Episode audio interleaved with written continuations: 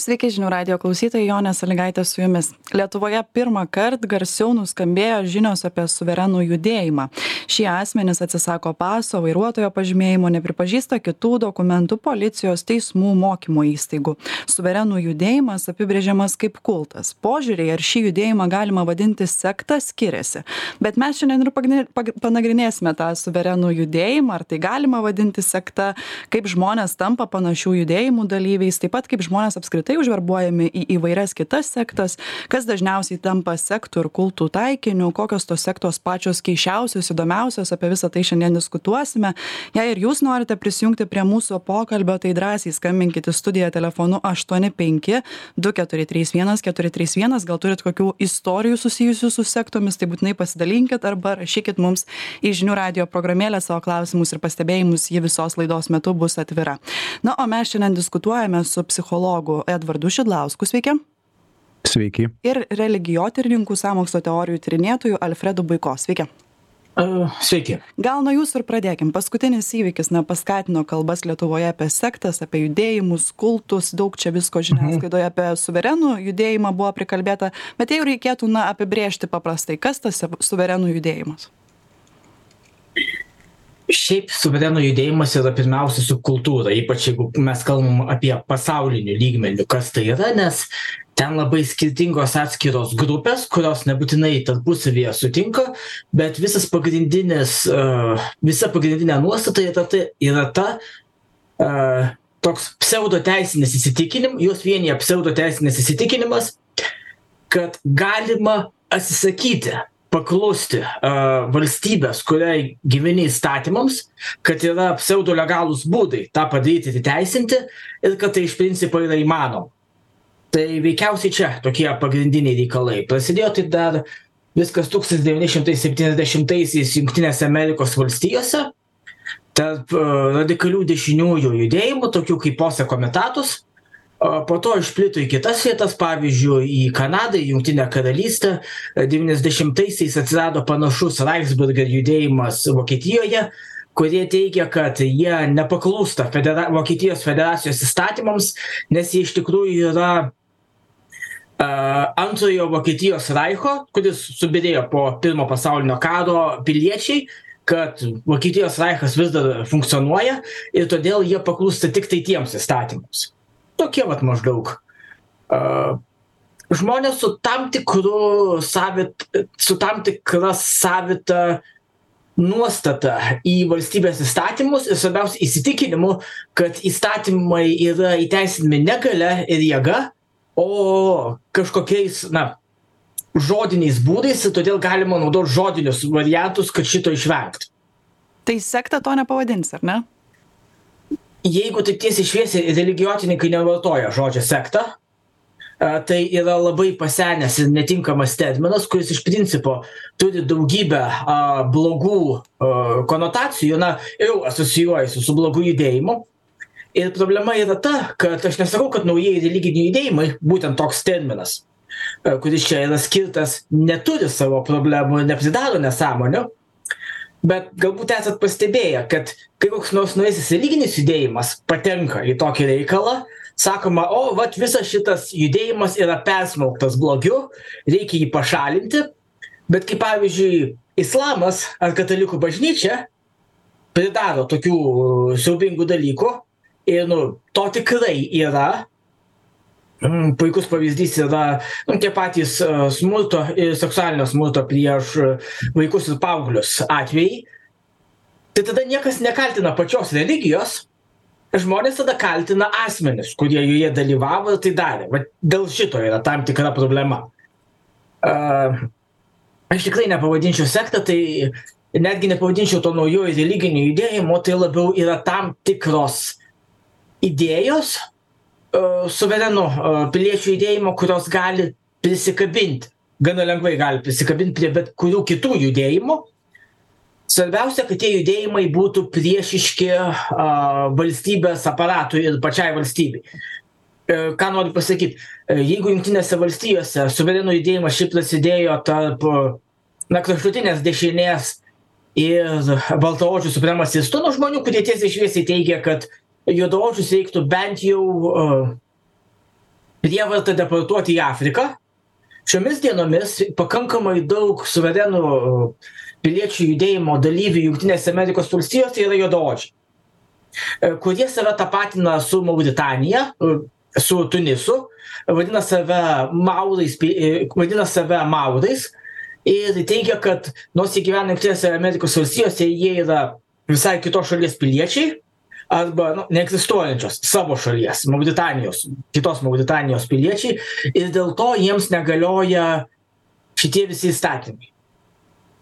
E, kodėl? Nes ir vieni ir kiti siekia išvengti tokių dalykų kaip e, būtinybė registruoti savo transporto priemonę, būtinybė susimokėti baudas ir skolas, būtinybė paklusti valstybei, kai šita to reikalauja o įdomu pavyzdžiui kalbant apie suverenų judėjimą čia buvo daug e, diskusijų apie tai kur ten tiksliai jis atsirado. Kai kurie galbūt nelabai įsigilinę sakė kad sovietų sąjungoje o sovietų sąjungoje buvo suverenų judėjimas nes tada na tokia peršasi mintis gal suverenų judėjimas pavyzdžiui sovietų sąjungoje jis buvo galimas matyti kaip na pasipriešinimas kovojimas pavyzdžiui už savo tautos laisvę. Ar čia negalėtume tokių paralelių e, sudėti? Matot bet koks suverenų judėjimas jeigu nori juos interpretuoti su gera valia gali būt matomas kaip pasipriešinimas prieš blogą valstybę ir noras a, kovot prieš savo tautos laisvę. Čia ta pati situacija kaip su anarchizmu. Tai yra, jeigu tu esi labai geros nuomonės apie anarchizmą, tu sakai, kad tai yra kova už individuo laisvę ir galimybę ir siekis pasipriešinti piktavaliam valstybės aparatui. Jeigu tu esi priešiškas tam, tu sakai, kad žmonės užsima nesąmonėmis ir trukdo kokybiškai funkcionuoti būtiniems dalykams.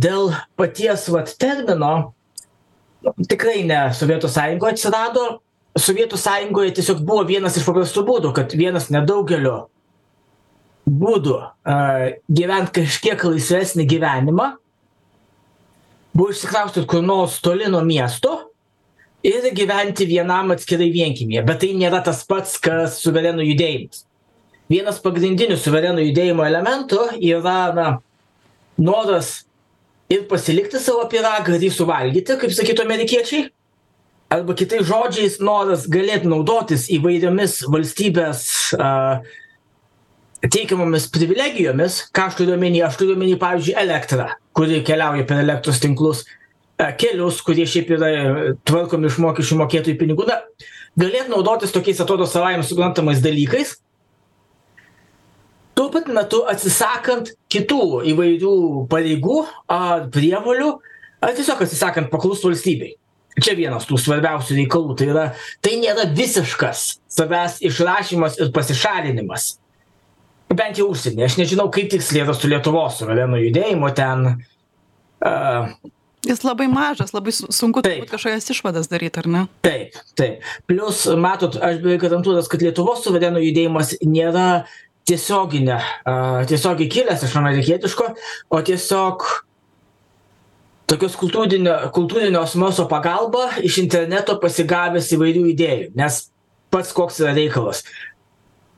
Uh, JAV uh, suverenų judėjimas yra paremtas labai neteisinga vadinamojo common law arba bendrojo įstatymo interpretacija ir jis ten jau nefunkcionuoja, bet bėda ta kad neįmanoma tiesiogiai paimti iš vienos šalies interpretacijos jos įstatymų ir tiesiogiai perkelt į kitą šalį nes iš principo jau kitoj šaly egzistuoja kiti įstatymai. Tai yra net jeigu suverenų įstatymų judėjimo elementai veiktų jungtinėse amerikos valstijose o jie beje neveikia nėra nei vienos laimėtos bylos iš suverenų judėjimo a jos nebūtų galima tiesiog imti ir perkelti į kurią nors kitą valstybę nes na laisvai gali būt kad kitokie įstatymai funkcionuoja. Čia viena priežasčių kodėl pavyzdžiui jungtinėj karalystėj suverenų judėjimas kaip toks tiesiogiai neprigijo.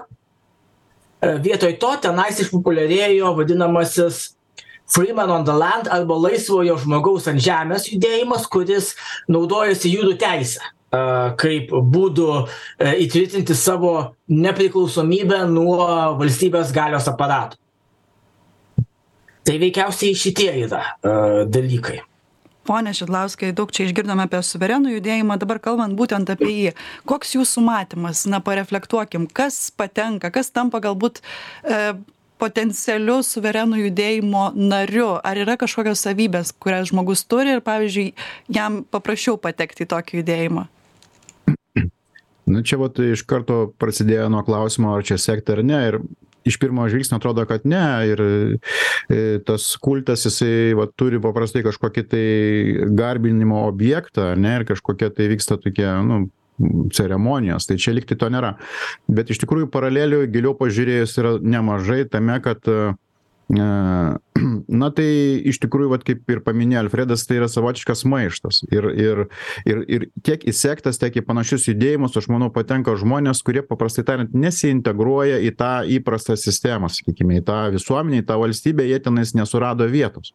Nes jeigu jie randa kažkokį įdomų darbą daro karjerą ir taip toliau jiem nėra prasmės prieš ką maištaut nes jie yra sėkmingi. Ta prasme jiems tinka o čia daugiau yra žmonės yra marginalai kurie dėl kažkokių priežasčių įvairių priežasčių ne negali arba nesugeba ar dar kažkaip integruotis. Ir aš manau nemažai aš taip spėju tarkim jav iš tų suverenų judėjimų tikrai bus nemaža dalis kokių nors teistų žmonių. Ir ta prasme kurie tiesiog nukentėjo nuo įstatymo galbūt jie mano kad tai yra neteisinga. Pavyzdžiui psichopato mąstyme jisai išvis visada yra teisus nepaisant kas nutiko. Tarkim kaip pavyzdys ten iš kurosavos filmo berods kažkoks kelių plėšikas sako nieko nebūtų nutikęs aš nieko nebūčiau nužudęs jeigu nepapūstų vėjelis bet jis papūtė jis mane pažadino ir va ten įsijungė mano juslės ir aš nebegalėjau sustot. Nu aš nekaltas vėjelis. Tai žodžiu aišku čia yra daug niuansų bet paprastai į tokius judėjimus patenka žmonės trumpai atsakant į jūsų klausimą kurie neranda tos laimės neranda saviraiškos e, tradiciniuose būduose. Ir tada jie jiem pasiūloma kažkokia pavyzdžiui nauja tapatybė kovotojas už laisvę kažkoks tai žmonijos gelbėtojas ar tenais tu tiesiog iš nieko ten kažkokio bedarbio socialinio pašalpų gavėjo tu tampi kažkokiu aktyvistu istoriniu asmeniu. Ir ta prasme tai žavi ir tai tikrai traukia nes kitais jokiais būdais kaip ir žmogus neturi galimybės patirti panašių išgyvenimų stiprių ir tokių savęs vertės jausmo įprasminimo o čia kas dėl lietuvos aišku aš daug nežinau apie tą judėjimą bet manau tai tiesiog vienas irgi iš būdų kažkaip įprasminti pateisinti pagrįsti tai ką aš darau. Nu tai aš ne šiaip čia kažką darau pats susapnavęs bet va tai yra įprastas dalykas tai yra pasaulyje paplitusi praktika ir tokiu būdu galima normalizuoti iš tikrųjų realiai tai bet kokias nesąmones čia nebūtinai kalbant apie šitą judėjimą. Prasme bet nes pavyzdžiai nieko neįrodo. Ta prasme iš principo kiekviena situacija vat kaip gerai alfredas sako unikali kiekvienos šalies ir tie įstatymai aišku šiaip jeigu paprastai tai pasakyt pažiūrėt į iš į visą šitą reikalą iš šono tai visai paprastai. Tai aš sakyčiau visa esmė susiveda į tai kad atsisakyk tada pilietybės. Ir viskas. Ir tu esi laisvas nuo šitos šalies įsipareigojimų bet matot tai nėra taip paprasta. Pirmas dalykas ir aš manau ta visa tokia pseudo teisinė logika kyla iš to kad tos realios teisinės e, logikos nelabai yra arba nelabai lengva ją nulaužt ar kažkaip tai peržaisti nes tam visų pirma reikia matyt stipraus teisinio išsilavinimo ir vis tiek yra kažkokios ribos. Tai tada prasideda tokia truputį haliucionuojanti jau tokia arti kliedesių mąstysena nu tiesiog sau kuriant vaizduotės pasaulį kuris kažkuria prasme atlieka terapinę funkciją nes žmogus nusiramina atsipalaiduoja kažkaip geriau pasijunta. Tai galbūt kažkokie pyktį va tokie resentimentai tenai suprojektuoja savo nuoskaudas dėl kažko ir jis va tada jau jaučiasi kad jis atkeršijo tai valstybei galbūt dar kažkam. Nu čia daug gali būt dalykų. Bet daugiausia sakau žmonės kurie negali dėl kažkokių priežasčių integruotis yra tas toks stereotipas kad na būtinai naivus ir patiklus žmogus pateks į judėjimus ar sektas o ar iš tiesų taip yra ar gali būti kaip tik labai įtarus ir tada irgi patekti į kažkokius judėjimus. Iš tikrųjų yra tiesos matot patekimas į įvairias tokias organizacijas sektas judėjimus kur yra kažkokia nu vadinkime užgrobimo forma tų žmonių kaip žmogiškų išteklių yra labai dažnai apgalvota gerai strategija ir aišku vyksta atranka to tokia marketingo technologijos netgi taikomos to vadinkime tikslinė grupė ieškoma. Ir tarp tikslinės grupės tikrai yra daug žmonių su intelekto negalia nu čia faktas. Ta prasme kurie nesugeba kritiškai mąstyt kurie turi galbūt tiesiog kažkokių šiuo metu psichologinių problemų ten serga depresija ar ten yra palūžę patyrę traumas. Jie negali adekvačiai matyti tikrovės. Jie yra dėl to pažeidžiami jie neturi pagrindo gyvenime ir jiems suteikiamas va tarsi naujas pagrindas nauja tapatybė naujas rūbas. Ten tarkim čia buvo viskas ką karma mes galim paaiškint arba ten ten buvo dar kažkas ir va žiūrėk va dabar jau taip tau nenutiks.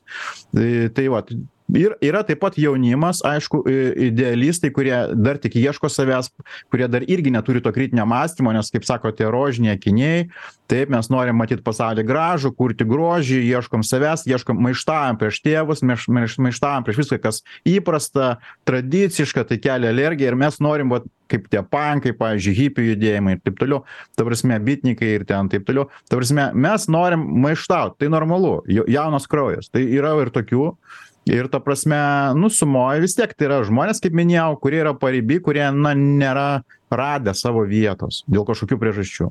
Ir tada jie yra pažeidžiamiausi. Ar dažniau tai yra tai kad na žmonės tiesiog ieško ieško ieško ir kažkokį randa judėjimą į kurį nori įstoti ar ar visgi tas dažnesnis atvejis yra kai tave užverbuoja kažkoks artimas žmogus ir parodo kad štai gali būt ir kitoks gyvenimas aš manau galbūt abu variantai žinokit gali būt. E, ta prasme nes verbavimas vyksta labai įvairiai. Gali būt taip per artimuosius per kokį nors darbą ar dar per verslą aš nežinau per bet ką. Bet e, vis dėlto e, sakykim taip kad na tas verbavimas kur sėkmingos vadinkime tos religinės bendruomenės tokios ar tenai judėjimai jie vis dėlto gerai apmąsto strategiją. Ir paprastai vis dėlto reikia kažkokio ypatingumo tai bendruomenei kažkokio stebuklo kažkokio vau. Ko kad vat mes pavyzdžiui tarkim kokį atradom naują ten fizikos kažkokią kryptį ten ar nu nes yra pavyzdžiui dabar čia tokia lietuvoj žinau jie iš rytų čia plinta kad jie ten kažkokias bangas naujas atranda jie ten gali gydyti tai ko negydo kiti ten pavyzdžiui vėžį ar ten dar kažką.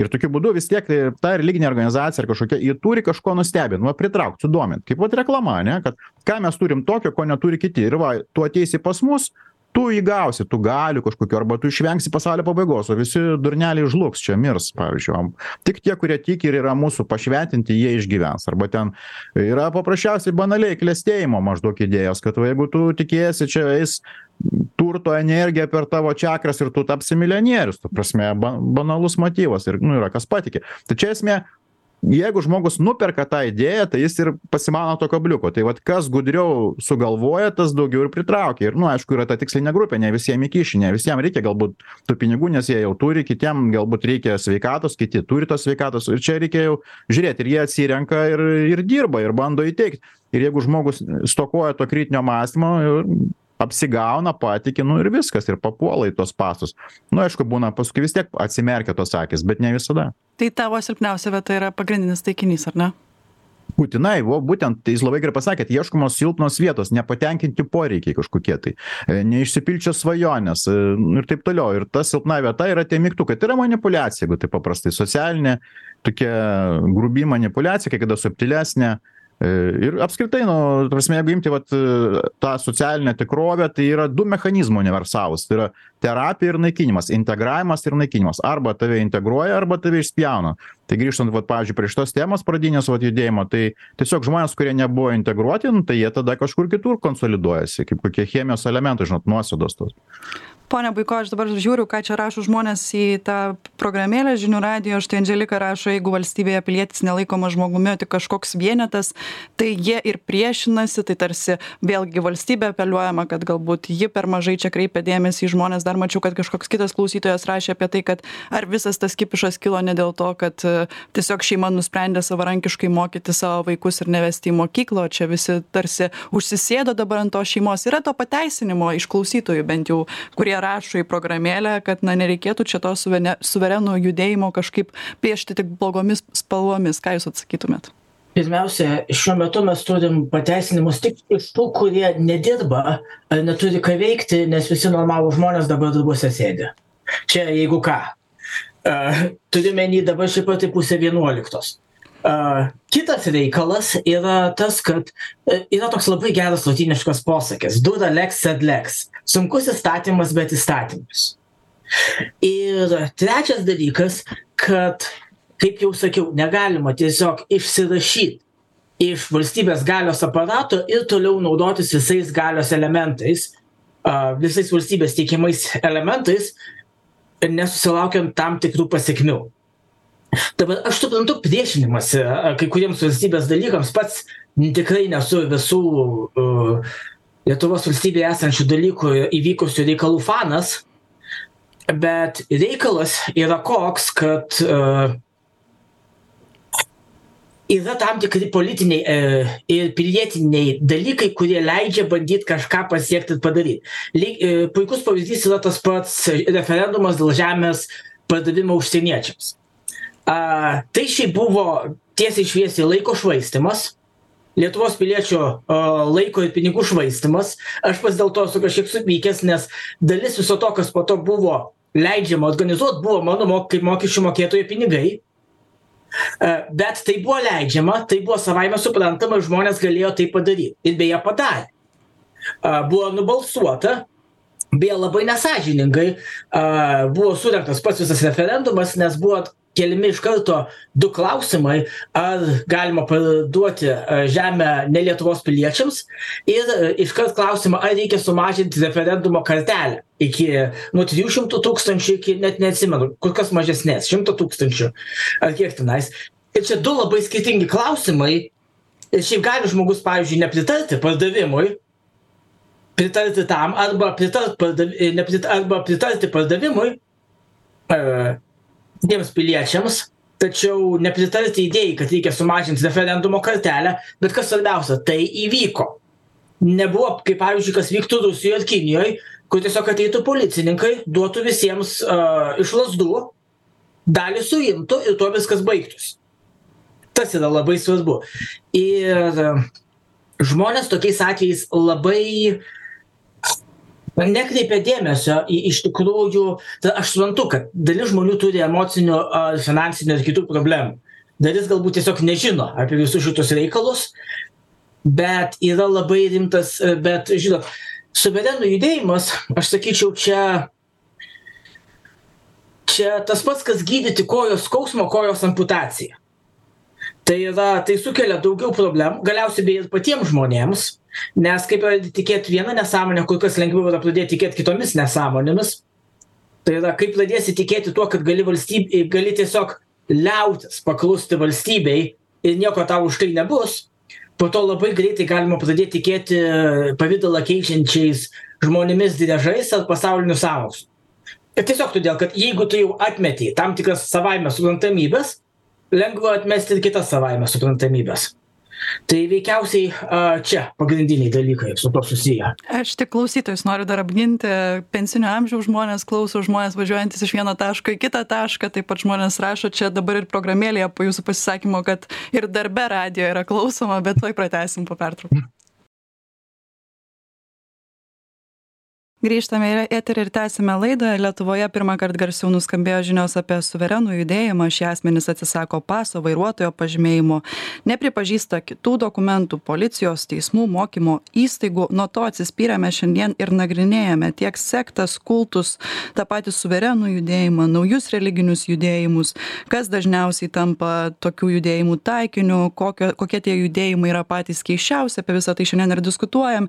Jei ir jūs norit prisijungt prie mūsų pokalbio tai drąsiai skambinkit į studiją telefonu aštuoni penki du keturi trys vienas keturi trys vienas arba rašykit į žinių radijo programėlę. Ji taip pat e, visos laidos metu yra įjungta. Pola štai rašo yra ir turtuolių sektų daug amerikoje visokių. E, pone šidlauskai jūs prieš pertrauką kalbėjot apie tai kad na dažnai yra tas nusivylimas e, tarsi ir valstybe ir galbūt žmonės na pavyzdžiui būna ir nuteisti jungiasi į kažkokius tai bendrus judėjimus tarsi parodydami kad gali nežinau rasti kažkokį geresnį geresnį savo gyvenimo geresnę savo gyvenimo prasmę būtent atskirai nuo visuomenės bet iš tiesų yra ir tų turtuolių sektų arba na judėjimų kažkokių ir ir toj toje pačioje jav apie apie tai mes girdime. Kaip čia reikėtų paaiškinti kodėl na turtingi pasisekę galingi žmonės jungiasi į kažkokius judėjimus? Na tai tiesiog čia vėlgi kažkokie yra poreikiai kaip mes ir pradėjome kad kodėl patenka žmonės į sektas. Dėl dėl nepatenkintų poreikių taip vienas iš variantų tai dabar tarkim apie žmones kurie vat tarsi materialiai sakykime sėkmingi arba kažkuria prasme so socialiai sėkmingi nežinau turi kažkokį statusą tai yra kiti motyvai. Yra pavyzdžiui tiesiog kad tu dar būsi sėkmingesnis. Na arba pavyzdžiui tai kaip savotiškas socialinio kapitalo bankas ar paslaugų. Pavyzdžiui aš įstojau į tokį klubą kur tarkim mes visi sėkmingi ir ten turtingi bet šiandien o rytoj neaišku. O kaip mano pavyzdžiui vaikai arba anūkai? Ir tarkim mes tokiu būdu kaip investuojam savo galią mes teikiam paslaugas tai mes visi turim kažkokių draugų pažįstamų kuriem padedam ir jie padeda mum. Tai čia aš matau iš dalies tokie gali būt motyvai. Tiesiog mes mes tokiu būdu užtvirtinam savo statusą padėdami vienas kitam. Už tai egzistuoja visokie anti an antimonopoliniai įstatymai ir taip toliau nes nu suprantat prasme stiprūs žaidėjai jungiasi į savo komandą o vadinkime ane ten alfa ar kaip? O tie silpni nu į savo komandą ir ir ir kažkokiu būdu bando konsoliduotis. Tai čia irgi tas visada buvo kad nu kažkokie buvo ten karalių kažkokie tai klubai ten prezidentų klubai egzistuoja. Taip ten kažką alfredas matau nori pasakyt. Prašom. Aha. Dėl turtingų žmonių ar turtingų judėjimų kurie tuo užsiima na taip pat yra tiesiog paprastas reikalas kad kai kurie judėjimai tiesiog turi tai ir gali pasiūlyt kažką turtingiesiems ko kiti negali arba būna kitos. Tai yra turtingi žmonės taip pat dažnai irgi gali pasidaryti keistų ar prastų finansinių sprendimų. Pavyzdžiui turbūt vienas garsiausių suverenų judėjimo atstovų buvo aktorius veslis snaipsas kuris vaidino filmų ašmenys trilogijoje. Jis kurį laiką nemokėjo a, pajamų mokesčio ir bandė iš to išsukti teigdamas kad jis yra a, kitos šalies pilietis šiuo metu gyvenantis jungtinėse amerikos valstijose nors šiaip ar taip turėjo jungtinių amerikos valstijų pasą. O su turtingais judėjimais na puikus pavyzdys yra scientologijos bažnyčios judėjimas jungtinėse amerikos valstijose kuris šiaip yra asocijuojamas su pirmiausia su holivudu ir turtingais holivudo aktoriais. Tomas kruzas anksčiau buvo narys beje spjovė ir išėjo tada kai pradėjo drausti jam susitikti su jo dukra kuriai tuo metu buvo šeši ar aštuoni metai. Dabar tiesa jų pagrindinis asmuo yra atsiprašau kaip tenais a travolta gal. Travolta irgi bet taip pat aktorius kuris vaidino keistas profesorių edis marfis taip. Atsiprašau ne ne edis marfis vilas smitas supainiojau šiuo metu vilas smitas ir jo šeima labai prijaučia. Ir kodėl taip yra? Na jei tu esi kankinamas dažnai kankinamas paparacio ir kitų žmonių kurie nuolat kėsinasi į tavo privatumą scientologijos bažnyčia turi visas savo patalpas kurios na yra saugomos sargybinių su šunimis turi grotas ant langų. Tai yra tokias vietas kur tu iš tikrųjų gali pailsėti tokiu būdu kur prie tavęs tikrai neprisikabins paparaci kas yra labai svarbu lyginant pavyzdžiui su įvairiom krikščionių bažnyčiomis kurios tau jei tu esi holivudo narys ir turi pakankamai kad galėtum susimokėt pinigų kad susimokėtum už kitas jų praktikas už auditus už jų mokymus. O tiesiog pavyzdžiui turi ką pasiūlyt tai yra gali pasiūlyt tą saugumo ir privatumo poreikį kuris yra pas visus žmones taip pat ir pas aktorius.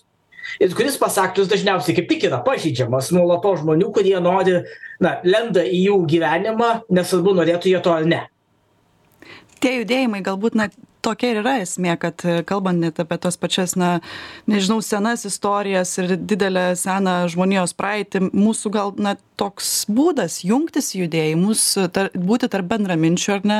Tiesiog kai kurie tie judėjimai galbūt yra šiek tiek keistesni dėl to sulaukia kažkokio visuomenės požiūrio bet pone šidlauskai dar kalbant apie tuos lyderius na įvairiausių judėjimų sektų ir naujų religinių judėjimų kiek svarbus tas lyderis? Nes iš tiesų turbūt labai svarbu kad jis būtų kuo kaip galima charizmatiškas pritrauktų tuos žmones bet įdomu na kaip paaiškint tada patį žmogų kuris seka vienu žmogumi kodėl mum taip reikia to lyderio kaip žmonėms na čia geras klausimas. Aš vat kiek taip matau iš apibendrinimų tyrinėjimų tyrinėjimų apie tuos lyderius sektų lyderius nes tai tik tikrai atskiro tipo asmenybės.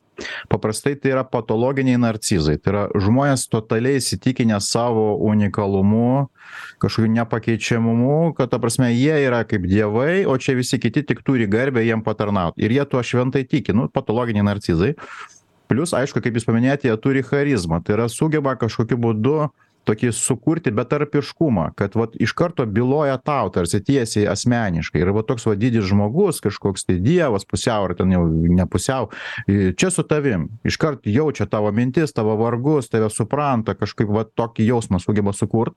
Ir čia irgi yra marketingo technologijos tiesiog tas toks targetingas ar kaip na kada tu parenki kodus raktažodžius tam tikras mintis atskirai auditorijai. Ir ir čia yra daug pavyzdžių su tais sektų lyderiais kad jie nuvažiuoja į kažkokį kaimelį kalnelyje kalba apie gyvulius ūkį ir prastą ten sezoną kažkokį kad nėra lietaus jie nuvažiuoja į universitetą jie kalba apie nyčę e, postmodernizmą ir ten dar kitus dalykus kad viskas galima maždaug ir galim daryt ką norim ir taip toliau. Ta prasme tai yra labai apgalvoti dalykai. Ir tai vis tiek na kažkuria prasme yra kaip aš kažkaip ir paminėjau kad yra aš kaip matau bent jau žmogiškų užteklių išteklių uh, įsisavinimo užgrobimo ir valdymo nu metodai. Ir bet tas vat lyderis jis turi būt sąmoningas gana vis tiek apsišvietęs iškalbą turi bet vis dėlto yra patologinis narcizas. Ir dar vienas momentas būna tai yra kai kada ir šizofrenijos. E, ta prasme kad jie kai kada ten tiesiog mato tuos savo vadinkime kliedesius nu tuos stebuklus jie mato kaip vaizdinius ane? Ta prasme ka kažkokius angelus gali matyt ten nežinau dar kažką demonus ten dievus. Ir tai yra iš principo gali būt tiesiog šizofrenijos apraiška. Ir ir jam viskas dera jis ta prasme yra narcizas turi tų šizofreninių pat patirčių haliucinacijų ir tiesiog mes paprasti žmonės mes neturim tokio stipraus įsitikinimo čia atsakant kodėl seko tokiais mes neturim tokio stipraus įsitikinimo savimi arba tikrove nu nieks nieko tiksliai nežino. O čia staiga atsiranda toks nu šimtu procentų jisai viską žino visus turi atsakymus į visus klausimus. Ir tas aišku sužavi nes tai duoda kažkokį duoda tokį nu kaip ir vilties viena vertus jausmą kita vertus nu tokį saugumą kad atsirado vedlys kuris prisiėmė atsakomybę už mane ar ne tarsi va tas numirė už mano nuodėmes nu tai čia pasimelst už mano nuodėmes ir aš tikrai žinau lietuvoj tokių kur gydo nuo vėžio maldom nu man atrodo čia žiauru aš nenoriu teisti bet ta prasme užkalba ten kažkokius maisto produktus aišku už pinigus. Tas žmogus valgo ir neva sveiksta bet na ta prasme iš principo viltis saugumas ir nepaprasta savimi pasitikėjimo tokia vat dozę ir tas mūsų gali užburt. Ir ponia Baiko, turbūt yra na, dažnas atvejis, kad tie judėjimo lyderiai tų savo principų ir net nesilaiko judėjimo, ar ne? Ne taip dažnai, iš tikrųjų, čia siūlau tiesiog prisiminti porą dalykų. Pirma, yra toks daiktas, kurį anglai vadina survivorship bias arba išgyvenusiojo e, netinkamas požiūris. Tai yra mes daugiausia pastebim ir kalbam būtent apie tuos lyderius, kurie yra nu, keisti, ar pakankamai saviti ir įdomūs, kad apie juos kalbėtume. Pavyzdžiui, nu, Ošo tada, uh, Davidas Korešas, Šalzas Mansonas, na, tie, kurie iš tikrųjų, bet taip pat būna tokių bendruomenių, kurios, būkim sąžininkai, jeigu tie patys suverenai sėdėtų savo kažkur keliose vienkėmėse vidury Labanoro, a, nieko nedarytų, niekam netrukdytų, tvarkingai būtų sutvarkę dokumentus dėl vaikų auklėjimo, nes vaikus tada, beje, aš dabar ką tik perskaičiau, atimė ne todėl, kad auklėjo patys, o tiesiog todėl, kad atsisakė sutvarkyti visus reikalingus dokumentus. Tas beje yra galima, buvo galima tai padaryti, niekas netrukdė. Mes apie juos nežinotume ir dabar nekalbėtume, niekam nebūtų įdomu. Nu, taip yra. A, tai yra tas pats, pavyzdžiui, su a, kurį laiką pačiu pradžioje apie krišnaitus daug kas kalbėjo, dabar mes, dabar jie vaikšto Vilniuje, dainuoja savo dainas ir visiems gerai, niekas nemato čia kažkokios, nematė čia kažkokios siaubingos problemos. E, iš pradžių visi bijojo. Tada kitas svarbus reikalas yra tai, kad Taip, kartais lyderiai to nesilaiko, bet labai svarbu yra paminėti, kad yra labai pavojingas procesas, kurio metu žmogus, kuris galėjo pradėti kaip visai normalus uh, individas su savo idėjomis, gali tapti tokiu keistuoliu. Tai yra, yra, toks, yra labai problemiškas procesas su naisiais religiniais judėjimais. Tai yra, ateina žmogus, įkuria kokį nors naują judėjimą, likusi visuomenė iš karto juos stigmatizuoja ir galvoja kaip, na, marginalus ir keistuolius. Todėl jie užsidaro tarpusavyje, sumažėjus žmonių bendravimui, lengviau į paviršių išeina keistos idėjos, dėl to, kuriomis žmonės įtiki, dėl to nu pradeda tikėti po to dar keistesnėmis, pasidaro toks savyje uždaras ratas, kuriame žmonės vis labiau ir labiau, na, užsikonservuoja savyje ir pagauna labai labai keistų minčių. Tai yra, pradžiai gali tiesiog tikėti, kad uh, puikus pavyzdys yra su įvairiomis Junktinio Amerikos valstijų uh, krikščionių fundamentalistų bendruomenėmis tenais prasideda. Dažniausiai kaip tiesiog na pats žodis fundamentalistas pradžioje turėjo netgi geras konotacijas tai yra grįžimą prie pamatų grįžimą prie bendrumo nu paties pagrindo krikščionybės o po to jie lieka mažos grupelės pradeda užsisukti įvairios idėjos. Galiausiai a tai yra tikintieji vis daugiau ir daugiau savo dėmesio ir savo vilčių sudeda į lyderį net nebūtinai sąmoningai tiesiog taip lyderis gaudamas tų visų vilčių vis labiau ir labiau įtiki savo a, nepaprastumu. Ir pabaigoje galiausiai vat ir prasideda tie a, angelų regėjimai, ką tiesiog norėčiau pasakyti su a, ponu Šilausku, nebūtina būti šizofreniku, kad matytum ir girdėtum halucinacijas, tai yra pakankamai a, rimta meditacija gali jas iššaukti. Jeigu ne tai, tai na, kuo puikiausiai galima tą patį padaryti su alkoholiu ir keliasdešimt gramų grybų. Tai yra, yra ir kitų būdų matyti įvairius keistus dalykus, o svarbiausia, kad žmonės po to tuo įtikė. Tai yra, net neprivalo būti tikros halucinacijos, kad žmogus įtikėtų kalbėjęsis su ateiviais ar su, pros, ar su kokiais nors protėviais. Tas yra labai svarbu. Mes yra polinkis laikyti, kad tai yra kažkokia protinė anomalija, protinė aberacija, bet tiesa yra ta, kad na, žmogaus smegenys jos yra pritaikytos tikėti keistais dalykais, bet kokiais dalykais, jeigu jie padeda tau išgyventi. Dėl to yra netgi tas faktas, kad žmonės įėję į bendruomenę rimtai įtikės naujais dalykais, kuriais anksčiau netikėjo. Pavyzdžiui, jeigu jie neturi kitos bendruomenės ir prisijungs prie komunistų bendruomenės, jie rimtai įtikės tuo, kad tuo, kad na, yra neišvengiama proletariato pergalė, jeigu jie prisijungs prie neonacijų bendruomenės, jie rimtai tikės tuo, kad žydai slapta valdo pasaulį turi būti sunaikinti. Net jeigu anksčiau netikėjo, nes žmonės turi polinkį persiimti įsitikinimais, net jeigu tie patys įsitikinimai nėra naudingi, bet tikėjimas jais padeda išgyventi bendruomenėje ošo man mensoną pa paminėjot pone šidlauskai pilna serialų filmų knygų mhm. žmonės labai susidomėję. Tai tai tik parodo kad veikiausiai net ir tie kurie nėra tuose judėjimuose na jie neatsilaiko prieš tą charizmą kurią turi tie lyderiai. Taip, aš pritarčiau, kad e, ta charizma būtina sudėtinė dalis ir, ir čia kiek paminėjo apie tą šizofreniją, tik noriu pasikoreguoti, mes kalbėjome apie lyderius, kad jiem kartais taip gali būti o patys nariai tai aš pritariu yra pasitelkiama ir narkotikai per ritualus įvairūs ir grybai ir tiesiog masinė hipnozė kuri kuri visai yra lengva kuo daugiau žmonių čia froidas pastebėjo kuo didesnė minia tuo stipresnė įtaiga lyderio kuris kalba miniai. Tai va tai kuo daugiau tų pasekėjų tuo stipresnė įtaiga ir galima įteigti įvairias būsenas ir tada nu hipnotizuot ta prasme ma matys žmogus tai ko ko nemato taip gyvenime. Ir angelus ir ką tik nori gali pamatyt visokias energijas ir panašiai. Ir taip aš pritariu kad čia iš tikrųjų padeda žmonėms išgyventi. Ir galbūt čia atsakant jūsų klausimą kodėl žiūri kodėl smalsu nes vis dėlto tame kulte ar kažkokioj asmenybėj kažkokių matyt yra tų ir pozityvių gairių kažkokių įdomių minčių kurios padeda mums išgyvent galbūt kitaip pamatyt savo gyvenimą pasaulį ir kažkaip savotiškai užsimiršt. Čia toks kaip na kaip savotiškas toks narkotikas ta prasme tos idėjos ezoterika visokie ta prasme galima labai užsimiršti ir nuplaukt pailsėt galbūt nuo kasdienybės ir plius tie visokie kultai vilioja nes ten gi yra ir nu ypač tų turtingesnių vat paminėtų bendruomenių tai yra ir visokios orgijos ta prasme čia nuo seno ta prasme orfi nu ten orfikų tradicijos senovės ten visokios misterijos taigi buvo normalu ten ten tas vynas ir visi kiti malonumai ir ir ta prasme ir dabar bando kai kas praktikuot. Aš manau ir tas pritraukia. Galima tiesiog nieko netikėt bet tenais eit nes vien dėl to ką siūlo tos organizacijos arba tos bendruomenės.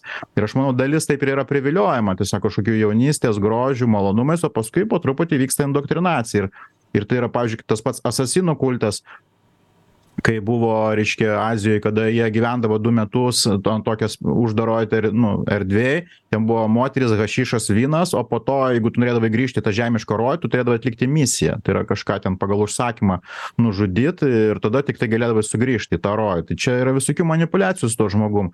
Ir islame tenai ir vat kaip minėjo alfredas visokių dalykų yra irgi daug tų manipuliacijų sąmone ir ten pasitelkiamos įvairios technologijos. Ta prasme nuo šiuolaikinių va tokių audiovizualinių vat kaip aš matau ten kūrė efektus ir durnino žmones kad ten kažką nufilmavo realiai iki va tų visokių haliucinogeninių psicho visokių technologijų yra tokia kaip juodoji psichologija juodoji sociologija ta prasme tai yra įrankiai labai galingi ir paprastam žmogui kuris nepasiruošęs kuris yra tiesiog dirba savo darbą ten ryte kažkokia ten ateina ten buhalterija ar kuo jis ar it užsiema nu tiesiog suvystyt tokį vat kaip vaiką gali kaip kaip ledinuką atimt iš vaiko nėra jokių problemų pone buiko jūs dar čia užsiminėt apie tai kad na į krišnaitus pavyzdžiui mūsų požiūris labai pasikeitė nuo baimės o dabar mums nebesvarbu kad jie čia keliauja mūsų gatvėmis tai gal iš tiesų kol tai nekenkia valstybei valstybės saugumui kol niekas nėra aukojamas kol kol niekieno gyvybei negresia pavojus gal tada čia nieko blogo ir nėra Čia tikrai nieko blogo nėra. E, kitas reikalas yra, e, ką tiesiog norėjau pasakyti su tais naujaisiais judėjimais. E, kaip čia geriau pasakius, mes pastebim tik tai tuos, rimtai daug dėmesio atkreipiam tik į tuos, kurie yra keiščiausi ar susilaukia labai rimtų problemų. Manau, pastebėjau, na, susipyksta su a, teisėja sauga, dar ką, tai yra, ima prieštarauti pačiai valstybės institucijai.